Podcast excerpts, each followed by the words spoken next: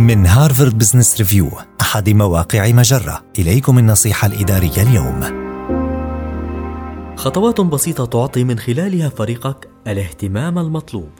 إذا كنت مديرا قادرا على التعامل مع التوتر بسهولة في حين يشعر رئيسك وفريقك بالانزعاج بسرعة فمن المحتمل أن يأخذ الآخرون انطباعا سلبيا عنك بأنك شخص لا تعير عملك أو زملائك أي اهتمام. ماذا تفعل في هذه الحالة؟ لتغيير نظرة الآخرين حيال شخصيتك؟ إذا كان وصف الشخص اللامبالي ينطبق عليك فلا بد لك أن تبذل جهدا في التواصل مع مديرك وأن تبين له مدى اهتمامك بالمهمة وإدراكك لأهميتها. لا تفترض ابدا أن مديرك يعرف ما تفكر فيه. من المهم أن تشارك أساليب التخفيف من حدة التوتر التي تتبعها مع أعضاء فريقك. تذكر أن زملائك في الفريق قد يفسرون قدرتك على ضبط أعصابك ومشاعرك بحبك للعزلة.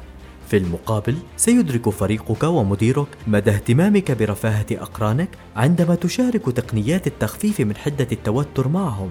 أظهر تعاطفك مع ضغوط الآخرين.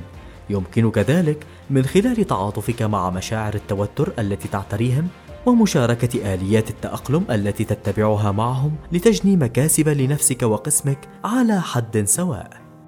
هذه النصيحة من مقال كيف تحافظ على هدوء أعصابك تحت وطأة الضغط دون أن تبدو بمظهر اللامبالي؟